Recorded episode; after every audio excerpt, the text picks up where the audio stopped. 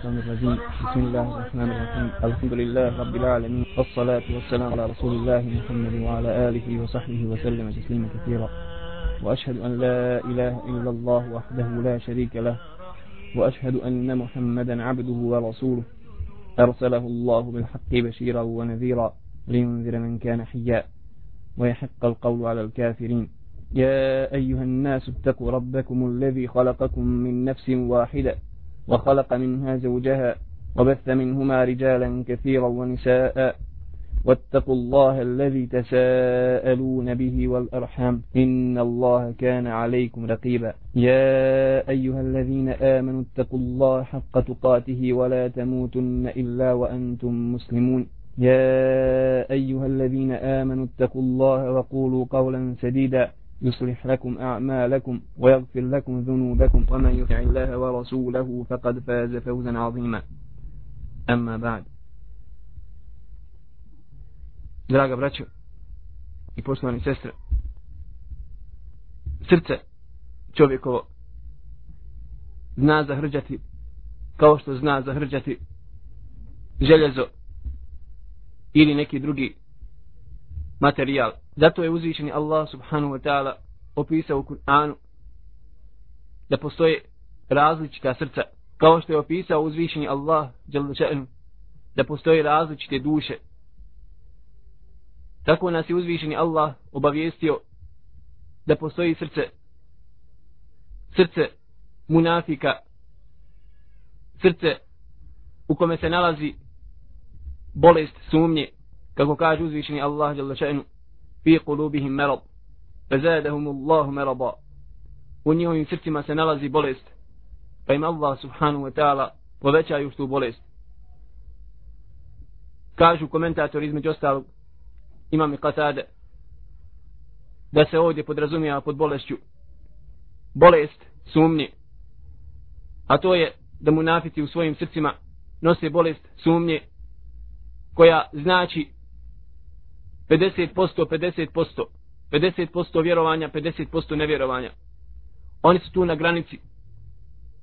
Ne znaju da li u istinu postoji Allah ili ne postoji. Nisu sigurni da li ima džennet, da li ima džahnem. I to je ono što se zove šek, sumnja. A to je gdje postojanje i nepostojanje jeste popola, 50%, 50%. Također uzvišeni Allah subhanahu wa ta'ala nas je obavijestio da postoji i druga vrsta srca, srca vjernika, koje uzvišenje Allah jel da še'en opisao Jaume la jenfa'u malu wala banuna illa man ata Allah bi qalbin salim. Da toga dana, na sudnjem danu, doći će oni, vjernici sa čistim srcima. Toga dana kada neće koristiti niti imetak, niti sinovi, osim onaj ko dođe sa čistim srcem. Pogledajte, draga braćo, ovdje uzvišeni Allah opisao srca vjernika da su ona selim, što označava da su ona čista, spašena i upotrebljeni oblik kao što je El Alim, što označava ovaj oblik da su ona ispunjena čistoćom, potpuno čista, da je osobina čistoće preovladala i zavladala njihovim srcem. Ispunila je svu njihovu dušu i svo njihovo srce kao takvi oni su došli Allahu subhanahu wa ta'ala i toga dana ova čistoća u njihovim srcima će koristiti kod Allaha subhanahu wa ta'ala. Kažu učenjaci, ovo srce jeste srce koje je ispunjeno tevhidom, vjerovanjem u Allaha subhanahu wa ta'ala, srce koje je potpuno čisto od širka Allahu i. Ovo srce je potpuno se oslonilo na Allaha, bilo je potpuno ubijeđeno u postojanje Allaha, u istinitost svega onoga što je obavijestio Allahu poslanik Muhammed sallallahu alaihi wa sallam. Kao što nas je obavijestio Hudejfe ibn Ljeman radi Allahu ta'ala anhu da postoji i mrtvo srce, a to je srce nevjernika, oni za koje Allah subhanahu wa ta'ala kaže وَقَالُوا قُلُوبُنَا غُلْفِ koji su rekli naša srca jesu gulf zapečaćena kao koverta u kojoj se nalazi pismo i koje je zatvoreno i zapečaćeno tako da iz nje ne može ništa izaći niti ući I ovaka srca uzvišeni Allah je zapečatio sa njihovim kufrom i njihovim nevjerovanjem i to je ono što uzvišeni Allah Relšanu kaže Hatem Allahu ala kulubihim da uzvišeni Allah zapečatio njihova srca. I imate još četvrtu vrstu srca također koji je spomenuo Huzeyfe ibn Ljeman radi Allahu ta'ala anhu koji kaže da postoji četvrta vrsta srca koje označava čovjeka koji je vjernik ali koji čini grijehe u čijem srcu se nalazi neka osobina licemira ali to nije licemire koje čovjeka izvodi iz vjeri i on čineći velike grijehe ili nekad uradi neku od osobinu munafika u njegovom srcu se pomiješa osobine vjernika i osobine munafika. I kaže Hudejfe radi Allahu ta'ala anhu ako prevlada osobine vjernika Allah subhanahu wa ta'ala upiše njegovo srce od vjernika. Ako prevlada osobine munafika Allah zalačanu upiše ga od munafika. Ovako srce draga braćo i sestre opisao je Allah subhanahu wa ta'ala u Kur'anu ili kao što smo vidjeli ashab Allahovog poslanika sallallahu alaihi wa sallam. S druge strane imamo opis duše draga braćo gdje imamo polemiku među islamskim učenjacima po pitanju srca i po pitanju duše. Ali se jasno vidi da uzvišeni Allah Đalešenu dijeli dušu na tri vrste. Ne znači to da postoji tri duše u čovjeku ne. Nego da duša prelazi u druge osobine i da dobija jednu od osobina koju uzvišeni Allah želešenu opisao tako nas je Allah želešenu obavijestio da postoji duša duša sa kojom je Allah subhanahu wa ta'ala zadovoljan. Opisao je Allah lišanu u Kur'anu Ja jetuhen nefsul mutma'inna irđi'i ila rabbiki radijetem mardije O smirena dušo. Tako je Allah lišanu nazvao duša koja je ispoštovala fardove i vađibe i klonila se harama i koja je stekla zadovoljstvo Allaha subhanahu wa ta'ala i na ovakav način je zaslužila da je Allah subhanahu wa ta'ala prozove prilikom izlaska i napuštanja tijela. A znamo da duša dok je u tijelu u većini slučajeva u šerijatu se naziva nefsom. A kada izađe iz tijela u tekstovima šerijata se naziva ruhom. Imamo dušu koju je Allah subhanahu wa ta'ala opisao u Kur'anu u suri Jusuf prema riječima žene koja je zavodila Jusufa alaihi salam koja je rekla inna nefse l'ammaratun bisu da je duša ta koja je sklona da navodi čovjeka i nagovara ga na loše. Što znači da svaka duša, draga braću i sestre, ima u sebi osobine da griješi i da nagovara čovjeka na zlo i da ga navodi da slijedi svoje strasti, a da ostavi Allahu subhanahu wa ta'ala vjeru ili da ostavi Allahu subhanahu wa ta'ala naredbe. I to je ono što se jasno može vidjeti iz kuranskih ajeta gdje kaže uzvišenje Allah fa alhamaha fujuraha wa taqwaha kada je u pitanju duša koju čovjek nosi u svojim prsima da Allah lišanu kaže da je nadahnuo dušu i dao joj sklonost da bude sklona ka griješenju ali isto tako da bude sklona i ka bogobojaznosti. I onda uzvišen Allah lišanu kaže kad aflaha men zekjaha wa kad habe men desaha da je uspio onaj ko očisti svoju dušu a s druge strane propao je u svakom pogledu propao onaj ko uprlja svoju dušu. I došlo je u tekstovima draga braćo sunneta Allahu poslanika sallallahu alaihi wa sallam u hadisu Bera ibn Aziba radi Allahu ta'ala anhu koji opisuje moment izlaska duše iz tijela da meleki nazivaju dušu nevjernika da je ona habisa da je prljava pokvarena smrdljiva duša. Ovako vidimo iz tekstova Kur'ana i sunneta Allahu poslanika sallallahu alaihi wa sallam jedan termin koji se zove srce. A s druge strane vidimo termin koji se zove duša. Stvarni odnos srca i duše i mjesto njegovog draga braćo je polemika među islamskim učenjacima ali najbolje je da čovjek zastane tamo gdje je zastao Kur'an ili sunnet Allahovog poslanika sallallahu alaihi wa sallam.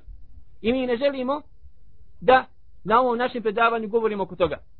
Nego želimo, draga braćo, da posvetimo ovo naše predavanje pitanju kako očistiti svoju dušu. Kako čovjek da bude od onih koji je uzvišeni Allah subhanahu wa ta'ala opisao sa pobjedom. Sa pobjedom i na dunjaluku i na ahiretu. Kada flaha men zakjaha.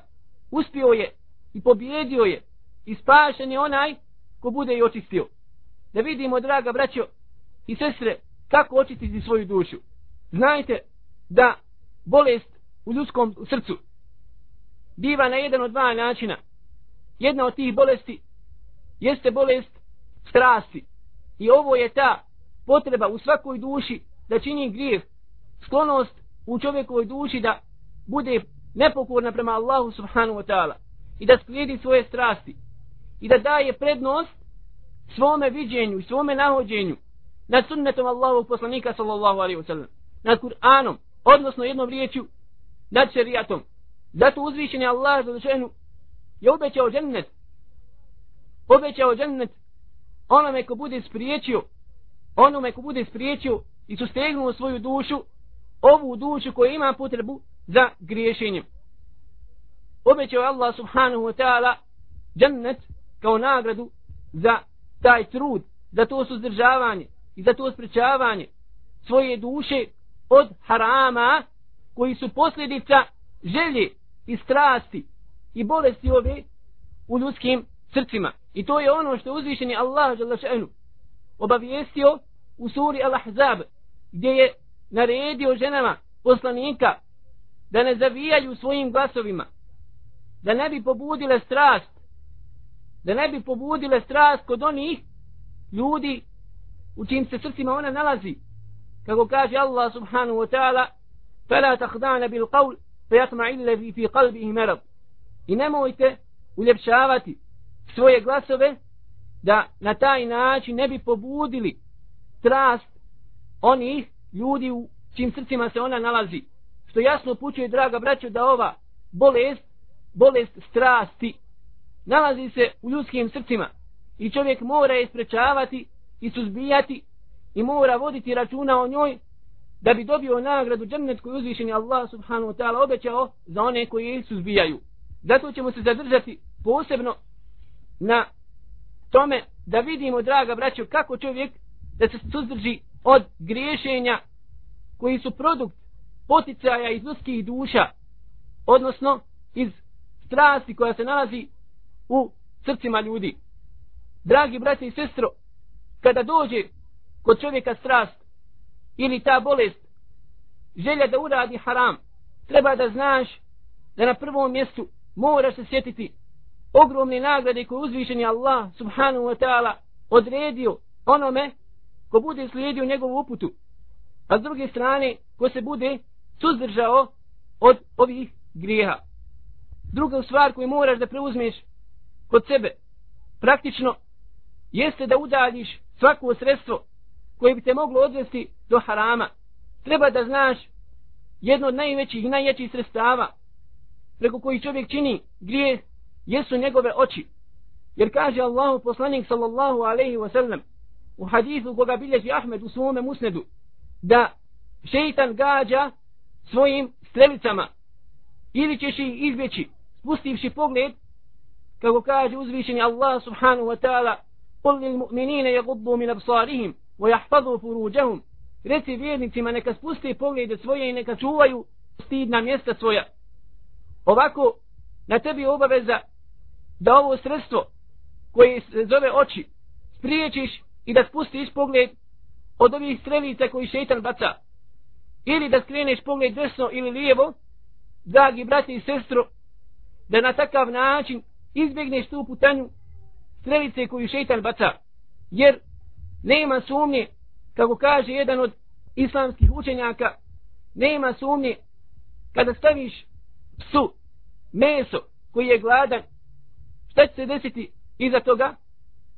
Jedini metod, jedino rješenje u tom slučaju jeste da skreneš mu pogled ili da udaljiš od njega meso.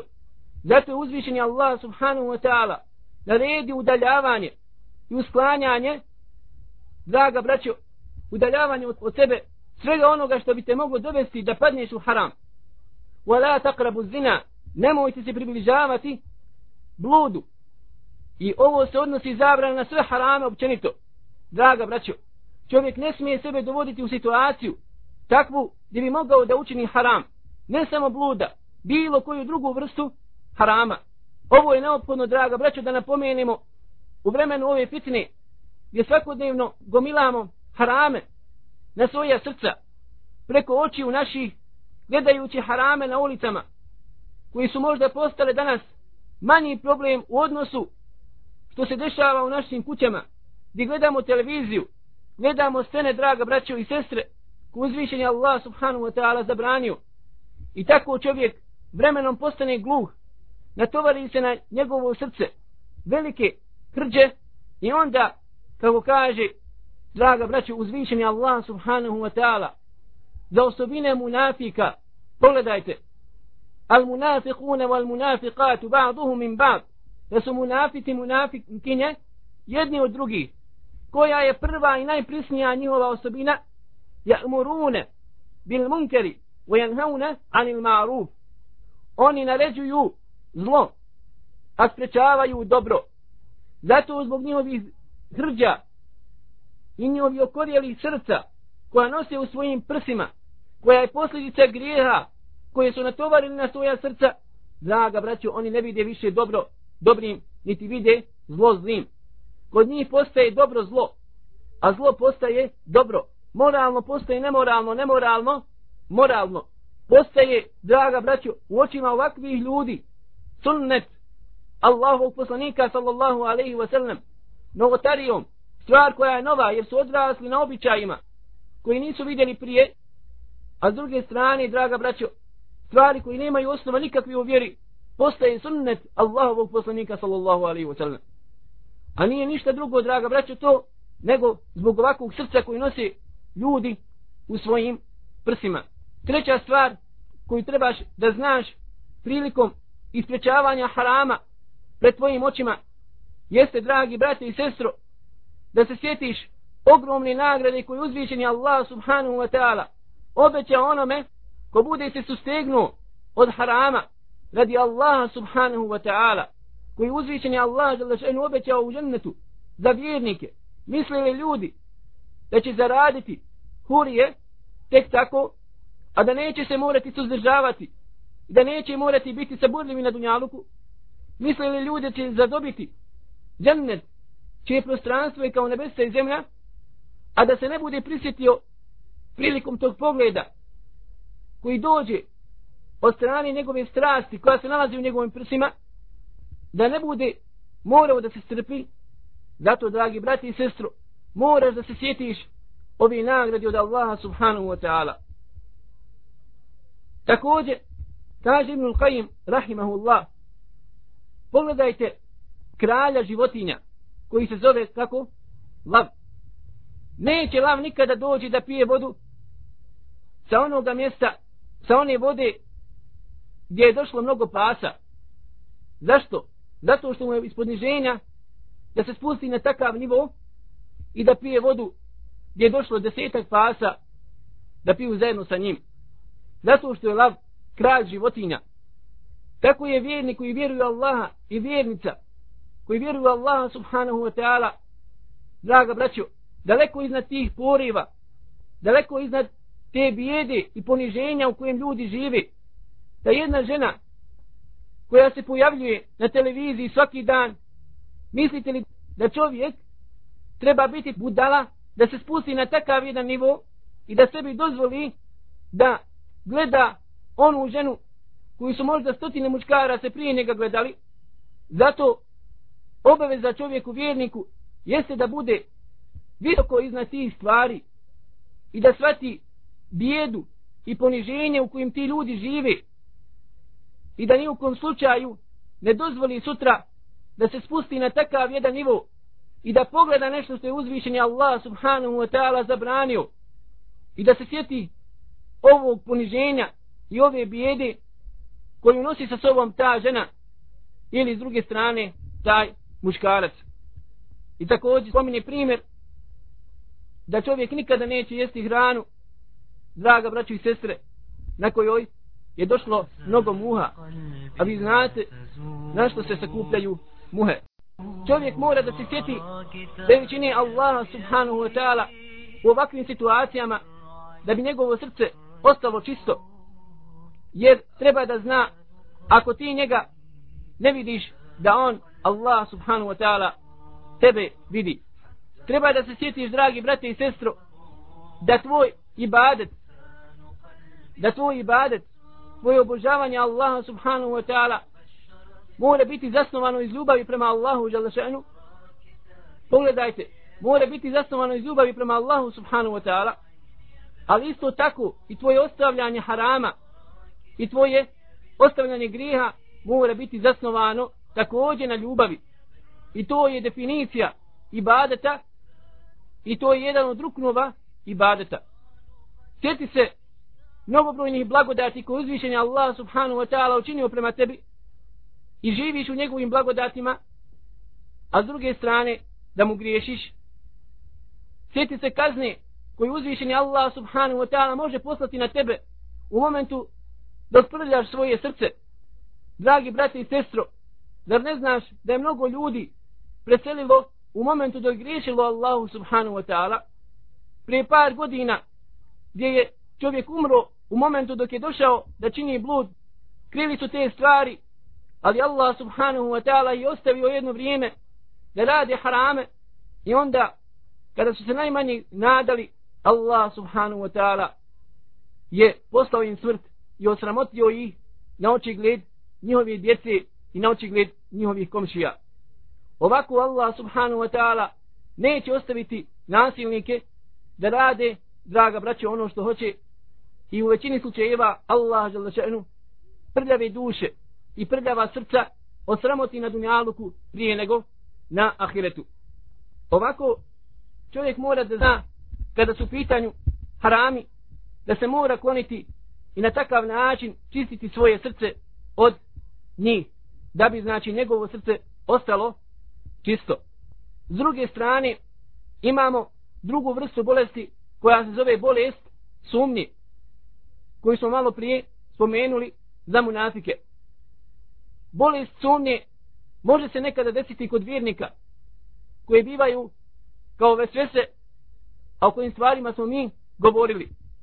Međutim, draga braćo i sestre, čovjek mora da se liječi od ove vrste bolesti jednim načinom, a taj način jeste znanje i ibadet Allahu subhanahu wa ta'ala. Jeste znanje i ibadet Allahu dželle še'nu.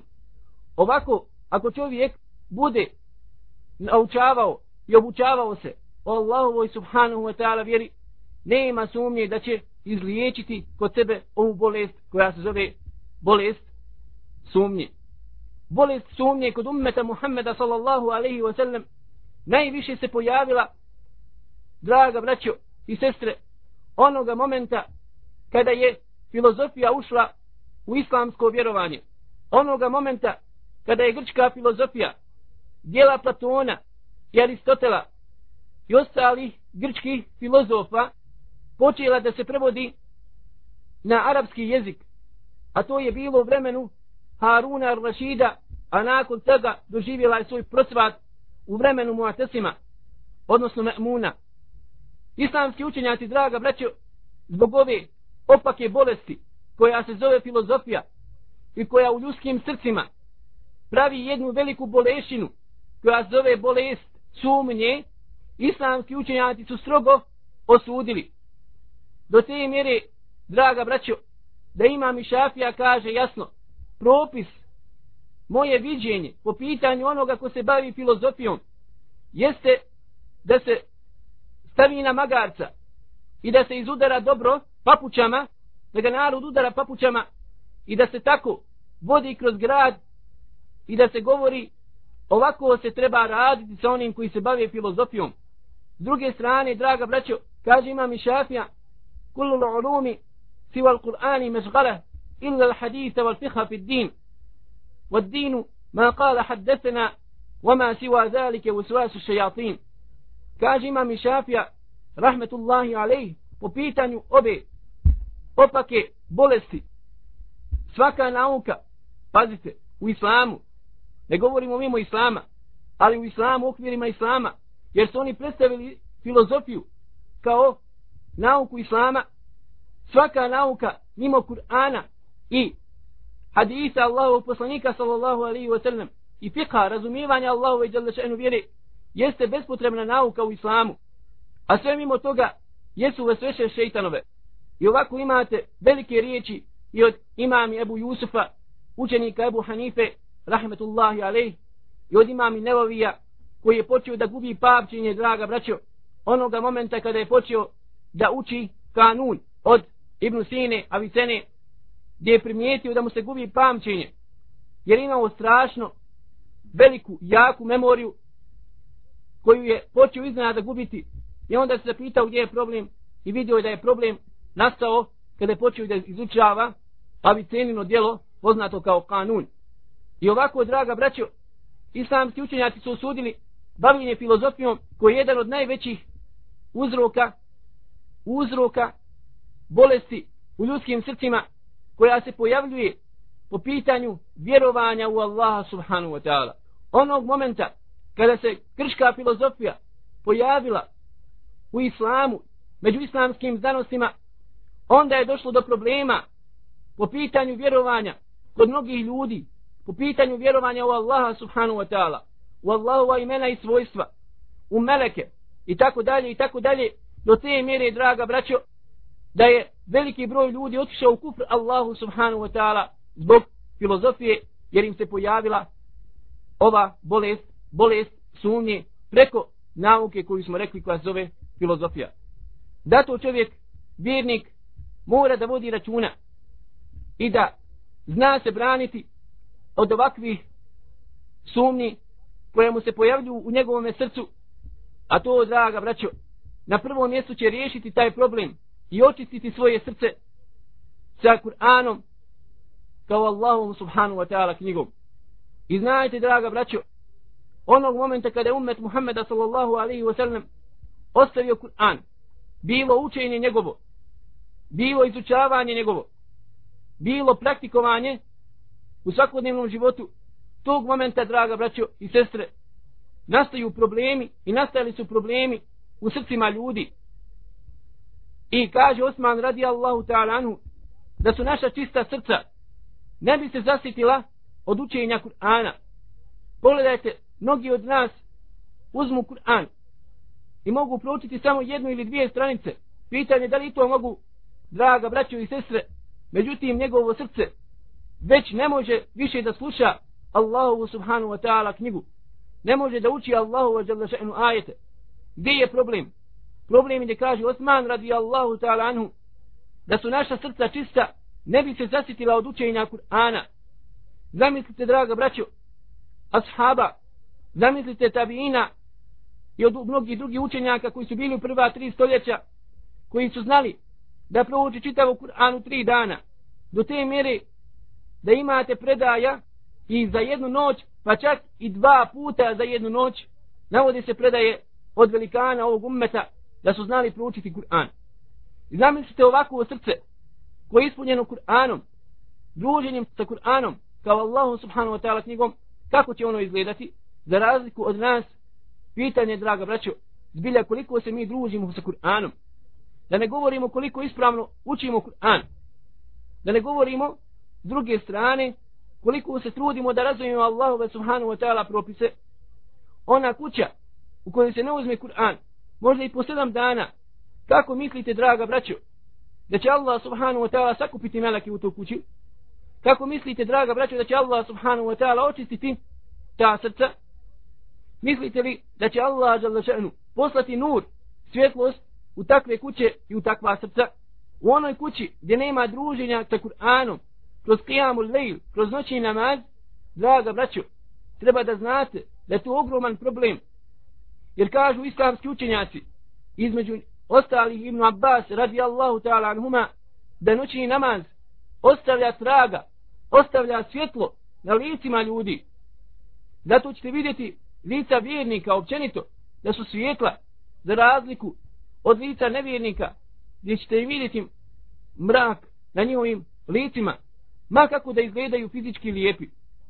Allah subhanu wa ta'ala griješnicima, makar bili vjernici koji se ne druže sa Kur'anom i koji krši Allahove subhanu wa ta'ala propise, zatamni i ocrni njihova lica. I to je ono što spominju općenito za grijehe. Ali želimo ovim primjerima da kažemo, draga braćo, da veliki problem naš jeste da se veoma malo družimo sa Kur'anom. Skoro mi brat priča, kaže par puta sam govorio bratu, hajde da učimo Kur'an. Sjedili smo u mezidu. Kaže drugi put, drugi put, par puta na kraju više mi je bilo sti da ga postaknem da učimo Kur'an. Zato treba svaki čovjek da ispita svoje stanje sa Kur'anom. Sramota je, dragi brati i sestro, da budeš možda u grupi oni koji će biti proživljeni u hladu arša Allaha subhanu wa ta'ala na sudnjem danu, a da dođeš sa 10 ili 15 sura samo da si naučio na pamet, da nije sramota pred Allahom subhanu wa ta'ala to.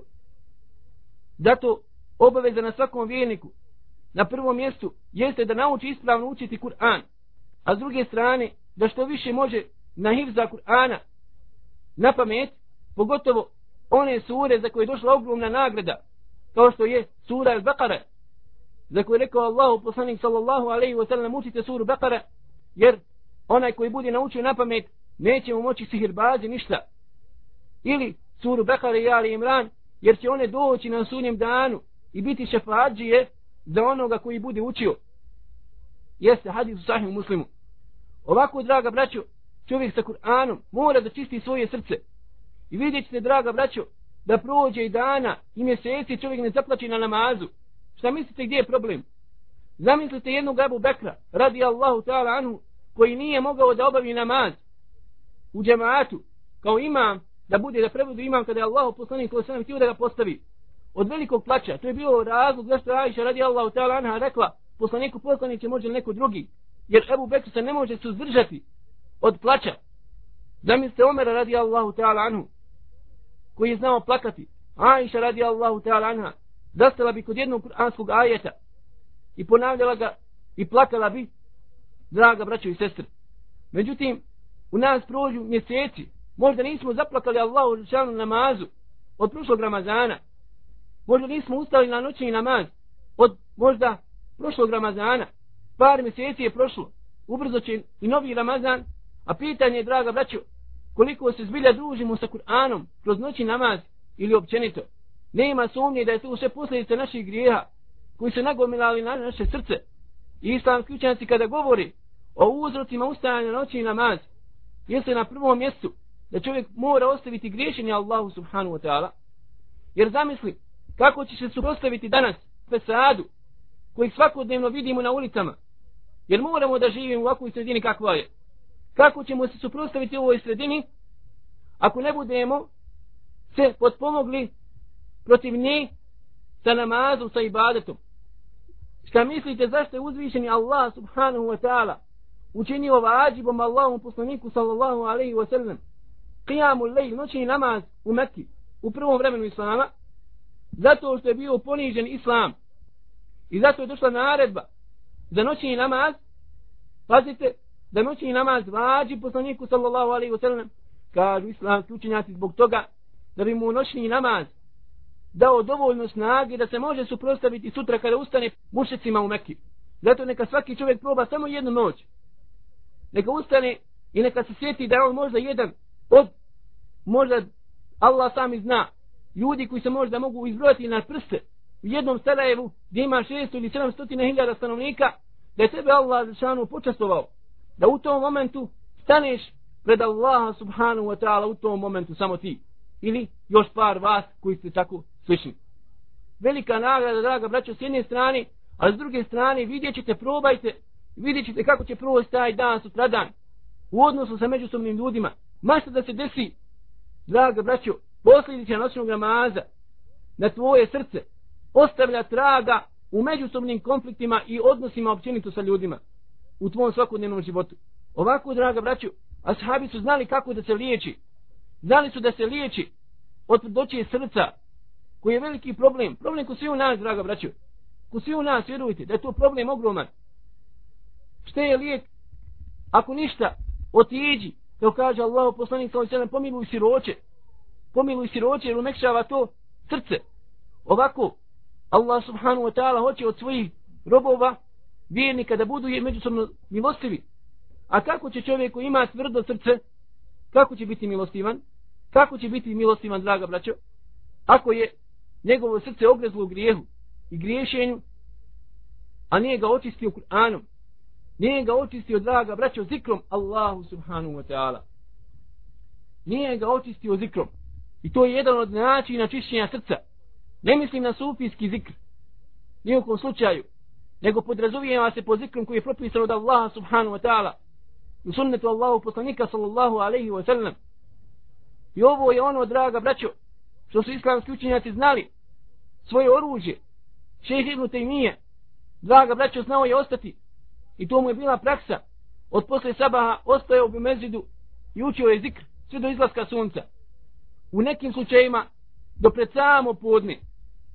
Od nas se ne traži da budemo šeheh u islamu ibn Taymiye u stvarima zikra i veličanja Allaha subhanahu wa ta'ala. Ali makar makar u onim situacijama kad nije ti nužno kad se ne žuriš. Zašto dragi brate i poštovana sestro da predaš selam na desnu stranu u mezidu ali ili već predaješ na vratima? Allah i sramote draga braćo za čovjeka i za sestru muslimanku. Pogotovo koji na svojim licima nosi obilježje islama koji na svojim glavama nosi hijab. Propis od Allaha subhanahu wa ta'ala. Sramota je da ustaješ nakon farda i da izlaziš odma da ne činiš zikra Allahu subhanahu wa ta'ala. To je sunnet Allahu poslanika pa slijedi sunnet Allahu poslanika sallallahu alaihi wa sallam. Osim Allahumme svako od nas neka nema zbilja veliku potrebu žuri mu se neka izađe ako mu se zbilja žuri. Ali da izađeš i da pričaš pred mezidom ostavio si sunnet Allahu poslanika sallallahu alaihi wa sallam Ostavi se ogromnu nagradu koja uzvišen je Allah obećao za one koji budu rekli 33 puta subhanallah, alhamdulillah, Allahu akbar. I tako dalje. Ostavio se ogromnu tu nagradu. Zbog čega? I ovako pogledajte gomilaju se grijesi na našim srcima a nema istihvara nema traženja oprosta od Allaha subhanahu wa ta'ala za te grijehe. Nema zikra posjećanja na Allaha subhanahu wa ta'ala koji je lijek. Draga braćo koji je lijek i kaže Ibn Abbas radijallahu ta'ala anhuma da zikr. Allahu subhanahu wa ta'ala skida ovu hrđu sa ljudskih srca. Zato moramo povesti računa oko ovih stvari. Ibn Qayyim u jednom svome dijelu navodi preko stotinu koristi zikra Allahu še'nu gdje čovjek se prisjeća Allaha jer pogledajte to je veza između nas i Allaha še'nu u ovakvom dunjaluku i u ovakvom dunjalučkom životu pogotovo u vremenu iskušenja nama je neophodno draga braćo da imamo Allah subhanahu wa ta'ala uza se da imamo njegovu pomoć da on bude taj koji će nas pod pomoći gdje ćemo osjetiti te stvari u našem svakodnevnom životu. Ako ne bude toga, draga braćo, gdje smo mi onda?